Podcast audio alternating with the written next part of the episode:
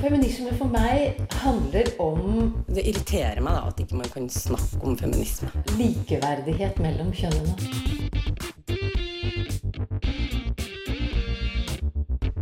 Det blikket på kvinnen på film. Det handlet det om å bli tatt på alvor som jente. Du hører på Et eget rom på Radio Nova. Mennesket er det eneste pattedyret som er fascinert av pupper i en seksuell kontekst. Og Det forklarer kanskje litt hvorfor vi er så opptatt av de. Bikinitopper for babyer, nipslips, offentlig amming og free the nipple. I dag snakker vi om pupper.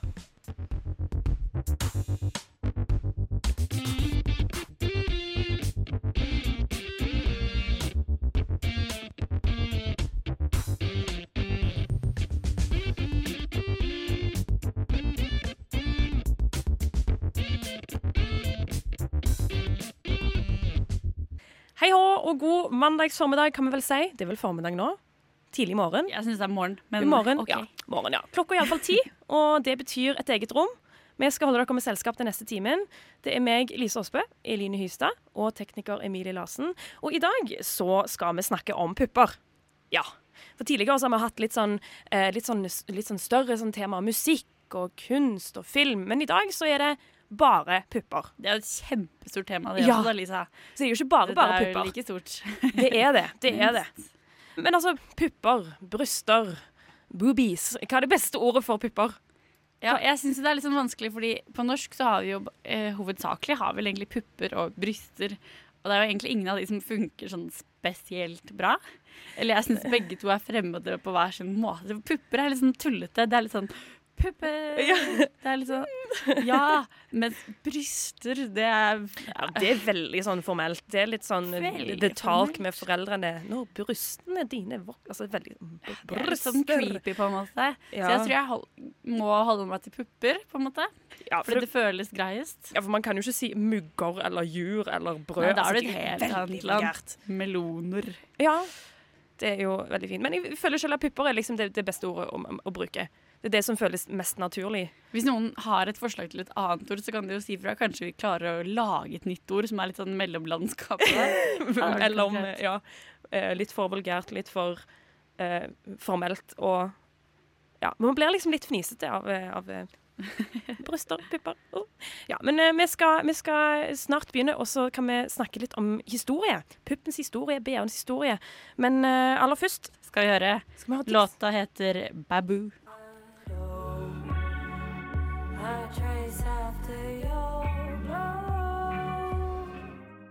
Det var Pix med Babu. Du hører på Radio Nova, et eget rom, og i dag så snakker vi om pupper.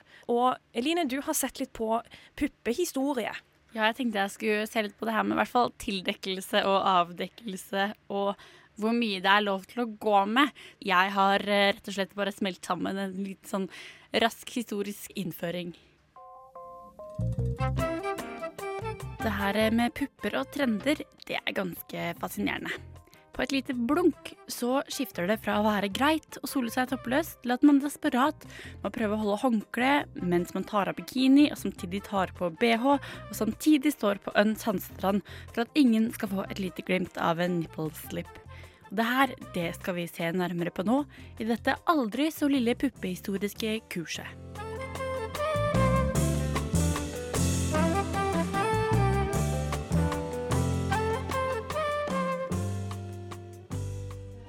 Vi begynner i renessansen.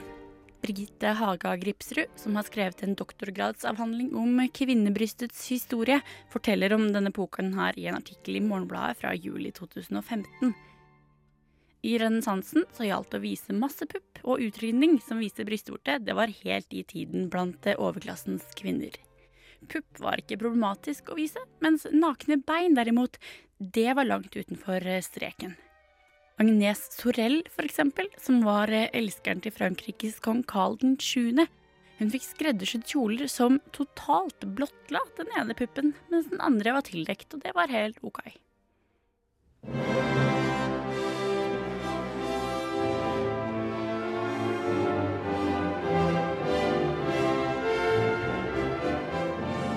På 1800-tallet, i Victoria-tiden, så snørte det seg til igjen. Her er den britiske dronning Victoria en streng og moralsk vokter. Alt som kom til kropper og lyster var upassende, og med det så ble puppen dekka til. Historiker Angela McShane sier til Morgenbladet at særlig middel- og overklassekvinnene ble sett på som såpass sarte og uskyldige blomster at de måtte skånes fra alt som kunne lede til et hysterisk anfall. Og det virker derfor som det enkleste var å tylle alt det kvinnelige inn i eh, tyll.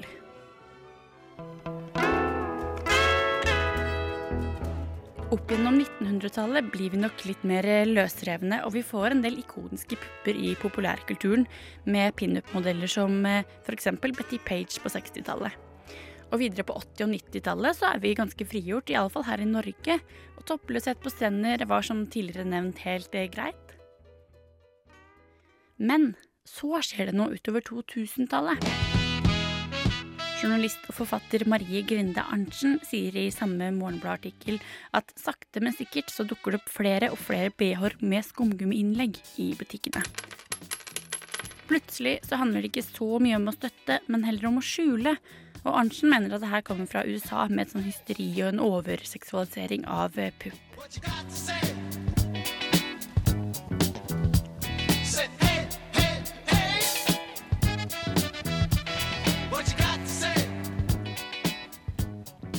Kanskje er det allikevel noe som er på vei til å endres igjen?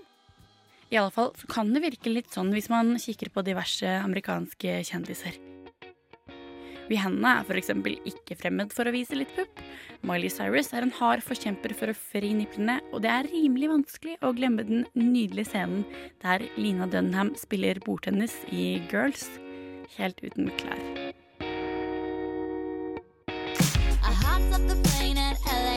With a dream, my cardigan.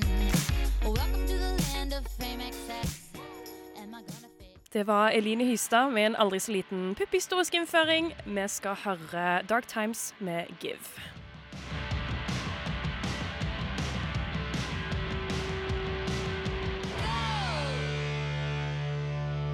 BH-ens historie den strekker seg jo ganske langt tilbake i tid. Det har alltid vært en ting å dekke til, og brukt noen form for sports-BH eller et tøystykke, eller så hadde du jo korsettene, da. Eh, Men i 2014 så feirer man da det ikke offisielle, for det er jo ingenting som er offisielt, men det man regner med er 100-årsjubileet for den moderne BH-en. For den ble oppfattet i 1914. Er det den som vi kjenner, som ligner litt på en sports-BH, på en måte? Ja, den som, den, som, ja, den som ligner mest på den BH-en vi, vi kjenner i dag, da. Eh, og det var eh, en kvinne som, eh, med navn Mary Phelps Jacob, som designa en, en prototype. da, og Det var ligna egentlig mer på sånn type lommetørklær med et snøre som man Ja, det med. jeg, synes, jeg må bare skyte inn at jeg syns ikke det er så overraskende at det er en kvinne, for jeg tror ingen mann hadde kommet på å lage bh. Nei. Jeg tror det er liksom helt fjernt å komme på for en mann. Det hadde vært liksom Å ja, ja, kanskje det er praktisk, liksom. Man må jo kjenne på et behov der. Ja, det er veldig sant. Det er veldig, veldig sant. Eh, så den, eh, etter hun hadde eh, funnet opp dette, så tok hun patent på det. Og så senere så ble den, den solgt til et selskap som heter Warner Brothers Corset CO, eller GO, eller CO, det vel CO det heter. Og så, så fortsatte det. 1934 kom den strappeløse BH-en. Og så dette selskapet Warners Brothers de um, kom i 1936 med bokstavene A til D, som Ja. er det systemet vi kjenner i dag. 1936, det er så gammelt. Det er nesten 100 år, det også. Det begynner å bli det nå, altså. Og så fortsetter det jo sånn oppover i historien. Det som slo meg litt, er at måte, alle disse artiklene her begynner med sånn der eh, eh, Ja, alle kvinner er vel egentlig veldig glad for at dette her ble oppfunnet, og bla, bla, bla, og dette her er oh, Vi er vel veldig takknemlige, og alle er vel veldig happy for det. Men så slår det meg litt, da. Altså, er på en måte BH-en en velsignelse, eller er det på en måte noe som er til for å skjule? Jeg bruker vi det bare for å bruke det etter hvert? Hvis du skjønner hva jeg mener? Ja, jeg tror jo at det er en veldig bra ting som er bra at vi har. Men jeg lurer på om det er noe i det her med at uh, etter hvert så blir det mer og mer Altså at du kan nesten ikke gå i butikken uten å finne BH-er med sykt mye pushup. Ja. Det er noe med alle de der uh, putene og greiene i det som kanskje gjør at det minner mer om et sånn veldig fiksering av én bestemt pupp, heller enn en støtte, da. Ja, ikke sant? Og så er det jo det med at på, på 80-tallet så var det jo på en måte veldig vanlig at man solgte seg toppløs alt dette her. Eh, og så har jeg òg lest litt artikler og sånt som sier at det var mange av de som ikke begynte å bruke BH før de var 20, fordi det handler om funksjonalitet. De trengte jo ikke støtte før de ble 20, på en måte. Det var da de kjente på behov for det. Men nå bruker man jo Det finnes til og med bikinitopper for babyer i størrelse 92. Men jeg kjente litt på dette her, da, at oi, jeg har aldri gått uten BH. Det har aldri vært en ting for meg, så derfor tenkte jeg i sommer at ja, nå skal jeg ha BH-fri måned. Eller jeg skulle, det var ikke sånn nå, 30 days without a bra, men det var veldig sånn nå skal jeg bare prøve å gå uten BH og se hvordan det føles, da. Eh, som var veldig interessant. Det Ja, var hva, hva, hva erfarte du? ja, nei, det var veldig Det ble, var veldig sånn morsomt å erfare på sin egen kropp hvor på en måte obs jeg ble. Spesielt på dette med stive nipler, at jeg følte behov for å, å dekke meg litt til. da. At det ble veldig sånn Oi, det var ikke bare altså Hvis det kom et vindkast og niplene ble stive, så var det veldig sånn der Jeg følte jeg tiltrakk meg sånn seksuell oppmerksomhet. Så, selv om det egentlig ikke Det var jo ikke noe seksuelt i situasjonen i det utgangspunktet, men det var bare sånn jeg følte behov for å dekke meg til. Mm. Men jeg lurer på om det har begynt å komme en litt sånn mellomting nå også. For jeg har sett mye mer av de der du vet, sånn topper som er sånn på en måte litt sånn som man går med når man var liten. Sånn uten spiler og padding. Det har kommet veldig masse av i butikkene, og det er jo egentlig en veldig bra mellomting. Ja. Digg å gå med, gir litt støtte og litt beskyttelse. For man vil jo kanskje gjerne ha litt støtte og beskyttelse. Jeg syns i hvert fall det er komfortabelt. da. Ja. Mm. Vi skal eh, snakke litt om eh, biologi, eh, og hvorfor vi er så utrolig opptatt av, eh, av pupper. Eller menn. Eller menn. Hvorfor menn er så menn er så ja. ja. Men uh, først skal vi høre Galler og Kaja og Youth of Today. This generation rules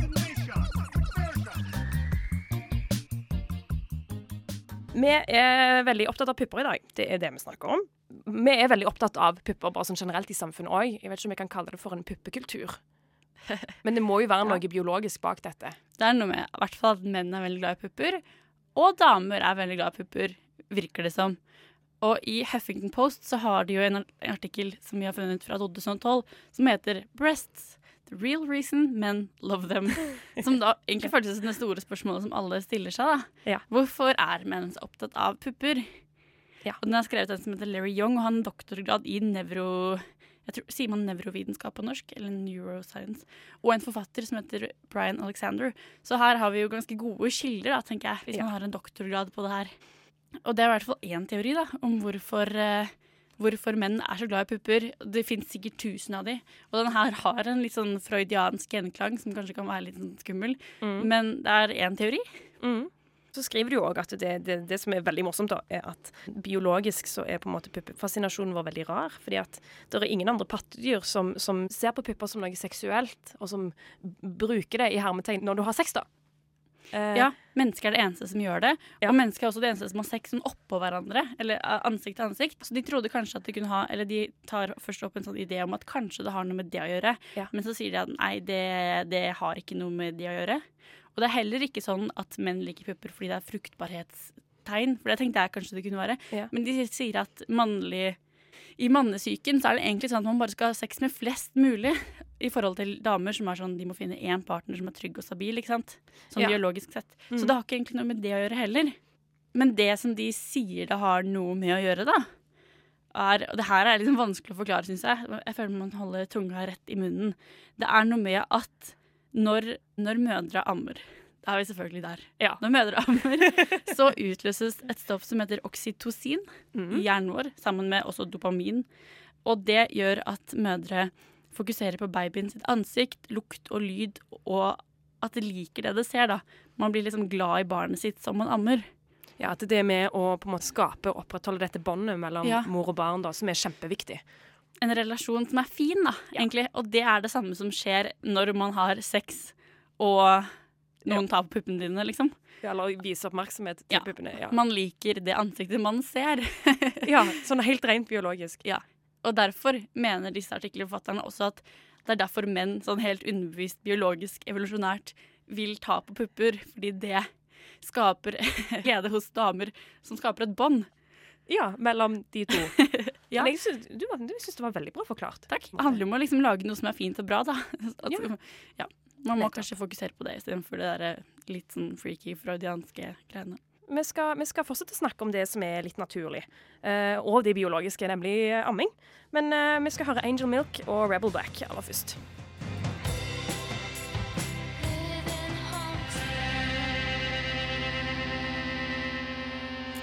Det var Angel Milk med Rebel Black, og du hører på Radio Nova. Og vi snakker om uh, pupper, og nå skal vi snakke om amming. Ja.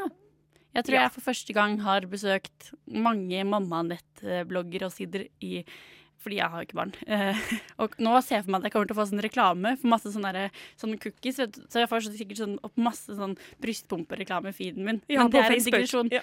Fordi det her med offentlig amming Ja. det er, Jeg visste ikke at det var liksom noe som så mange lurte på. Men hvis man googler det, så er det ekstremt mange som lurer på liksom sånn Hva gjør dere? Hva gjør jeg? Hva er lurt å gjøre? Hvordan skal man egentlig oppføre seg, da? Ja, skal, bør, Må jeg alltid gå på do, eller kan jeg, kan jeg sette meg ned i denne parken? Mhm. Er det krise hvis jeg på en måte ikke har med et teppe å legge over hodet? Altså, alle disse her. Og så tror jeg det er en sånn debatt som blusser opp sånn innimellom. Altså som kommer opp med, til medieoverflaten av og til. Altså Den er like Ja. aktuell hele tiden, og det er mange som er, mener det, og det liksom funker alltid. da.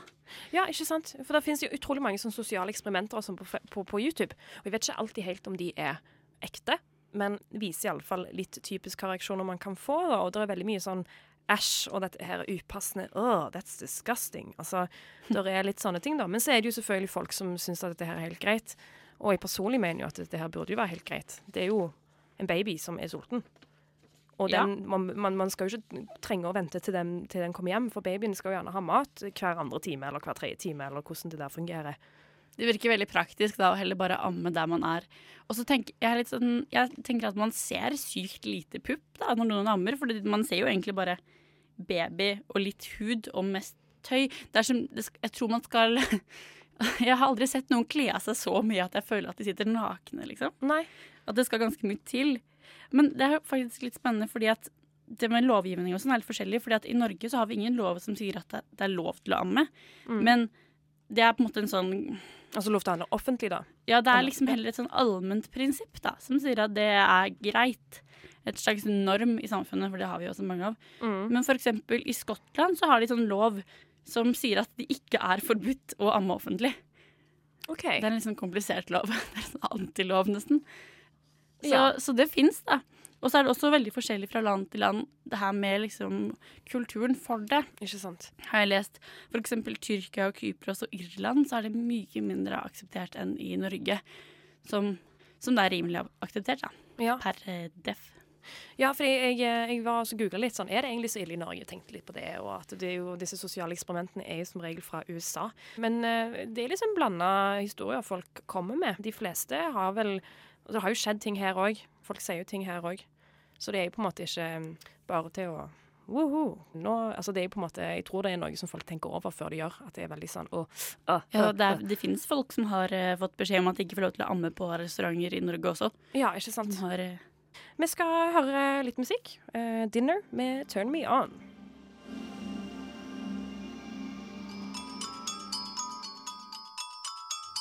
Du lytter til Radio Nova på FM 99,3.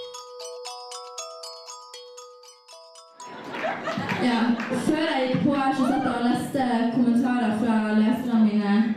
Uh, dum som jeg er. Og de bare Du har bus i nesa. Du viser nipplene dine. Og etterpå så skal jeg ta bilde med prisen og busen min i nesa.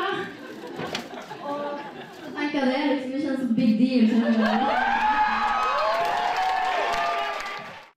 Der hørte vi Sofie Elise, som flasha puppen sin etter å ha mottatt en pris på Vixen Blog Awards eh, ingenting, i år. ingenting som å høre puppeflash på radio. Ja. Det er det beste. ja. Men dette med nipslips er jo en helt syk ting. Ja, men nå er jo ikke Sofie Elise en nipslip, da. Nei, det, det var, nei, det var på en måte Det En var med vilje. Ja, Mm. det var en flash. Og der er, det er på en måte, hvis du googler eh, puppeglipp, så får du opp 4600 resultater på Google. Og det er jo på en måte en, en ting, dette her. Du har vel noen Ja, overskrifter? Jeg, fant, jeg googla puppeglipp, det sexy norske ordet for en nipslipp, tror jeg. Da får man for eksempel Se Tones puppeglipp. Camilla Forstner puppeglipp da hun hoppet i sjøen. Puppeglipp og pupper på tørk, er dette en ny trend? Puppeglipp, sexrekord og en tenåringsstjerne som klikker. Puppeglipp og overskytende brødre. Altså, det er eh, ikke måte på hva de klarer å gjøre ut av puppeglipper da, i media. Ja. Men dette her med free the nipple, det har jo blitt en sånn ting. En sånn ting. Det er fint. Ok, Jeg må skyte inn her for å, for å lage en pro mellom puppeglipp og free nipple. At jeg tror kanskje ofte at de her puppeglippene er mm, ganske bevisst. Jeg klarer ikke å få meg til å tro at med så mange saker som er da, i liksom alle de sladreavisene, at det bare at de er så mye glipper. Hallo, tenk på de folka som går på sånne røde løpere. Da. De er liksom spesial, alltid er sminka opp og tatt på seg. Og så kan ikke bare være random at puppen detter ut. Nei, altså det, jo, det skaper jo utrolig mye oppmerksomhet. Og det jo, kan jo være en måte å, å med PR. Ja, jeg tror kanskje ofte at puppeglipper er en slags free nipple. Ja, men vi skal høre litt om Free the Nipple her, for Sara Beck Sørensen hun har eh, funnet litt eh, info om det. Vi skal høre det her. Du har kanskje fått med deg hashtaggen Free the nipple. I Norge er kanskje bloggeren Sofie Elise et prakteksemplar i den forbindelse, da hun i fjor dro opp den hvite T-skjorten sin da hun mottok en pris på Vixen Blog Awards og blottla puppen sin foran hele Blogg-Norge og store deler av norsk presse.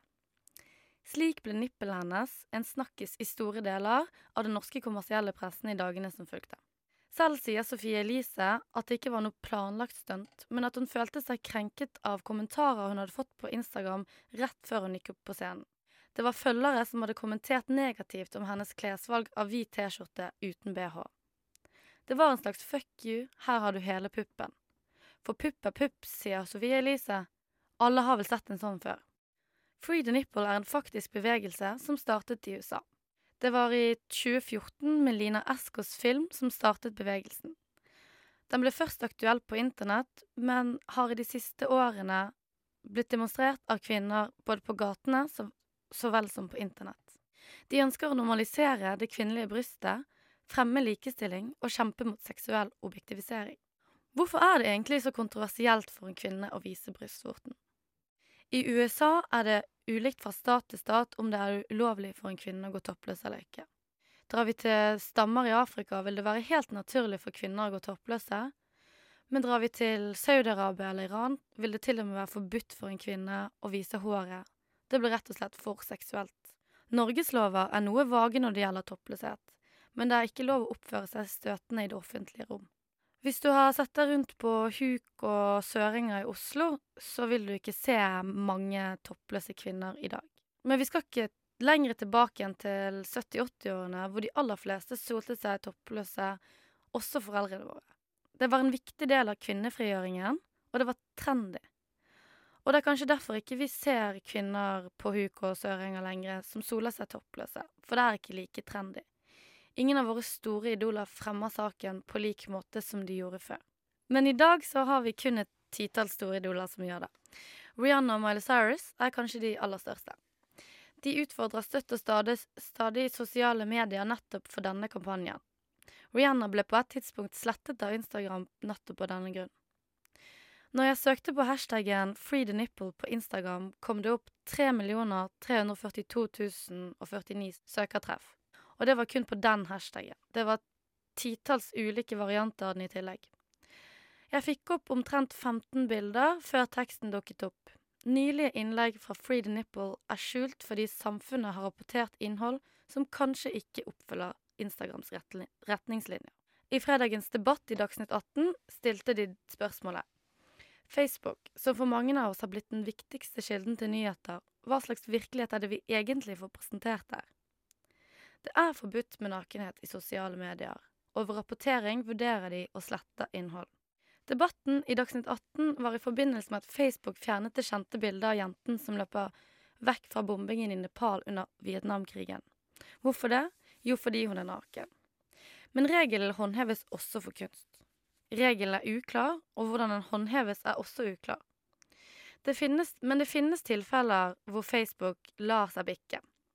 Som for eksempel i ammedebatten, hvor brukerne ble så frustrerte og sinte at Facebook til slutt ga beskjed om at det var greit å dele slike bilder. Så lenge vi ikke viser for mye av brystvorten. Hvorfor er det så kontroversielt for en kvinne å vise brystvorten, spør jeg dere igjen. Er den rett og slett blitt for seksualisert? Unektelig er dette en begrensning på kvinners muligheter til å gjøre som vi vil. Og man kan jo kanskje også si at vi har mistet en rettighet. Det er i alle fall ikke riktig vei å gå i forhold til kvinners posisjon i samfunnet når brystvorten er seksualisert på en slik måte. Kanskje ikke er tankesettet så ulikt det vi kjenner fra religiøse samfunn, egentlig. Det er kanskje ikke kvinnesakens viktigste, men den skiller oss fra menn, og den likestiller oss heller ikke. feminist, a person who believes in the social, political, and economic equality of the sexes. Eget rom. Et eget rom. Eget rom. Et eget rom. Et eget rom.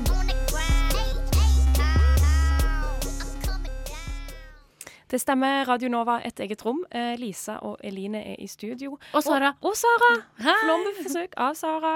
Sara er det nye medlemmet vårt, forresten. Skikkelig hyggelig at du vil være med oss, Sara Beck Sørensen. Ja, selvfølgelig. Jeg elsker jo dette programmet, så det er bare kjempegøy å få være med og lage radio med dere. Hyggelig. Veldig kjekt. Husker dere typ når vi vokste opp? Eh, sånn På begynnelsen av 2000-tallet så var det så utrolig inn med silikonpupper. Alle hadde silikonpupper. Ikke alle, alle hadde jo ikke silikonpupper, men det var veldig vanlig i alle fall. Og veldig sånn der, dette perfekte, dåpeformede, store brystet. Hvorfor tror dere folk tar silikon? var egentlig spørsmålet mitt. Nei, altså, jeg husker ikke altså, Det var ikke så mange på min alder som hadde silikon på den tiden, men det var jo på TV overalt. Så var det disse, ja, som du sier, smale bryst, nei, smale midjer og gigantiske pupper. Hun er Helene Alexandra, mm. My på are OK. Ja. Og det var sykt mye silikonpuppe overalt, føler jeg. Ja. Kan, ja, kan. Og så kanskje det at når man så seg selv i speilet, da, så bare sånn Hæ, det ser ikke sånn ut her. Ja. Tror dere det har uh... Ja, jeg tror det. Jeg tror det er sånn der forvrengt bilde. Fordi det her er min teori, da, at eh, Eller i hvert fall så var det sånn for meg at alle de puppene jeg så rundt meg da jeg var liten, da, de var sykt perfekte. Og så tenkte jeg sånn Å ja, men da- liker sikkert gutter sånne store pupper og Men etter hvert så har jeg skjønt Jeg tror jeg har skjønt at for gutter så er det litt sånn pupp er pupp. Det har egentlig ikke noe å si hvordan det ser ut. Nei. Fordi det er bare det er en pupp, liksom. Og det er det eneste de jeg bryr seg om. Pupp er pupp. Pupp er pupp. Ja, men jeg tror det er egentlig er media. Selv om det er skikkelig teit svar, så tror jeg det er media og alt det vi ser rundt oss som gjør at Alt bare Folk blir forsterka og forsterka og forsterka, og så til slutt sitter du der og bare Det er sånn. Men ja, så tror du at det er sånn. At det er sånn man bør se ut, da. Mm. Men det er vel 18-årsgrense for å ta silikon i Norge. Ja, Eh, det er jeg ganske sikker på. ja. Jeg leste en eh, Fordi VG hadde en sånn artikkel som de intervjua masse topploggere. For det er jo mange av de som har veldig mange kosmetiske inngrep. Og ei som heter Anette Marie Antonsen, som er på den der United Bloggers, som er det sida, hun sa at hun tok silikon da hun var ganske ung fordi hun ville se pen ut, men at eh, hun syntes egentlig ikke at det hjalp noe. Og at hun mener at egentlig så burde man være minst 24 år for å få lov til å ta silikon. da, At 18 er altfor lite. Og det er jo kanskje noe i det, da. Jeg tenkte i hvert fall det syns det høres ganske lurt ut. 18 er jo sjukt ungt, da. Ja, det er jo det, men det er jo da du blir myndig. Det er da du har lov til alt Mm. annet. Da er det da du skal på en måte bestemme selv. Kanskje det hadde vært litt sånn OK, vi burde heve grensen til 24, da. Du er ikke myndig før du er 24. På grunn av silikonen så må alt? Null alkohol, kjøre bil. Ikke noe. Jeg får ikke bo alene. ja, jeg vet Nei. ikke. Men det er jo bare, jeg tror det er noe med at det er så lett å gjøre det også, da. Fordi det er sånn Ja, OK, du må ha pengene, men du kan jo liksom bruke alle konfirmasjonspengene dine, så har du nok til silikon. Og det er så sjukt tilgjengelig. da. Hvis man googler sånn silikon, så er det bare sånn Hei, hei, vi eh, er midt i Oslo sentrum, og det tar deg to sekk å få litt silikon inn i puppen, og det bare gå hjem etterpå. Det fremstilles som sånn utrolig lett, da. Ja, og så når alle disse bloggerne i tillegg forteller mye om prosessen og forteller veldig i detalj om hvordan dette her, sånn var det, og det var veldig vondt, men det går fint. Altså at du Ja.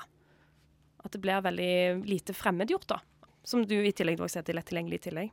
Vi skal fortsette litt å snakke om eh, silikon og naturlige pupper, men uh, først Hanna von Bergen med Organic Soup.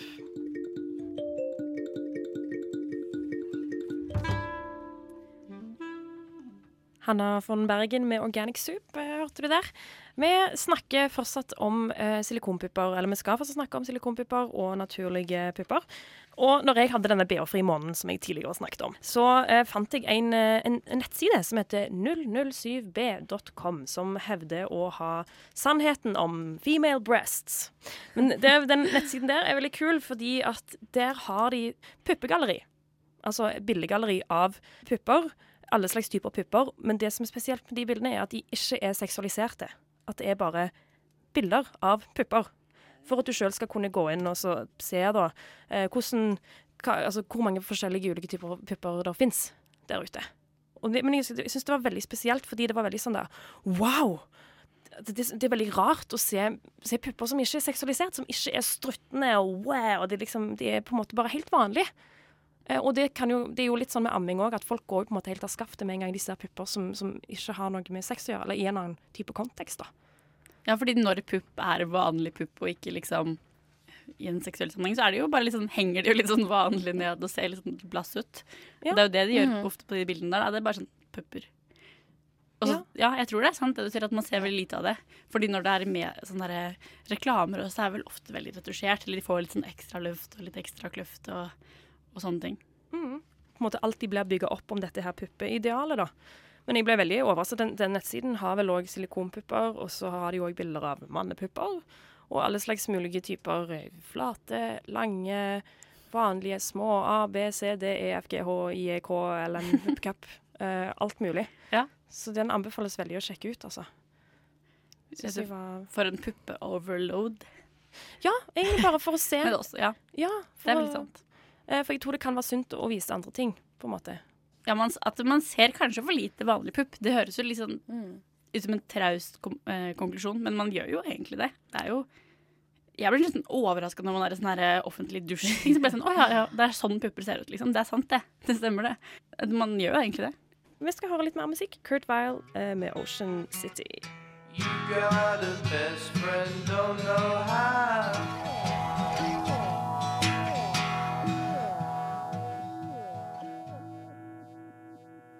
Kurt Vile med Ocean City. Hørte, hørte dere der?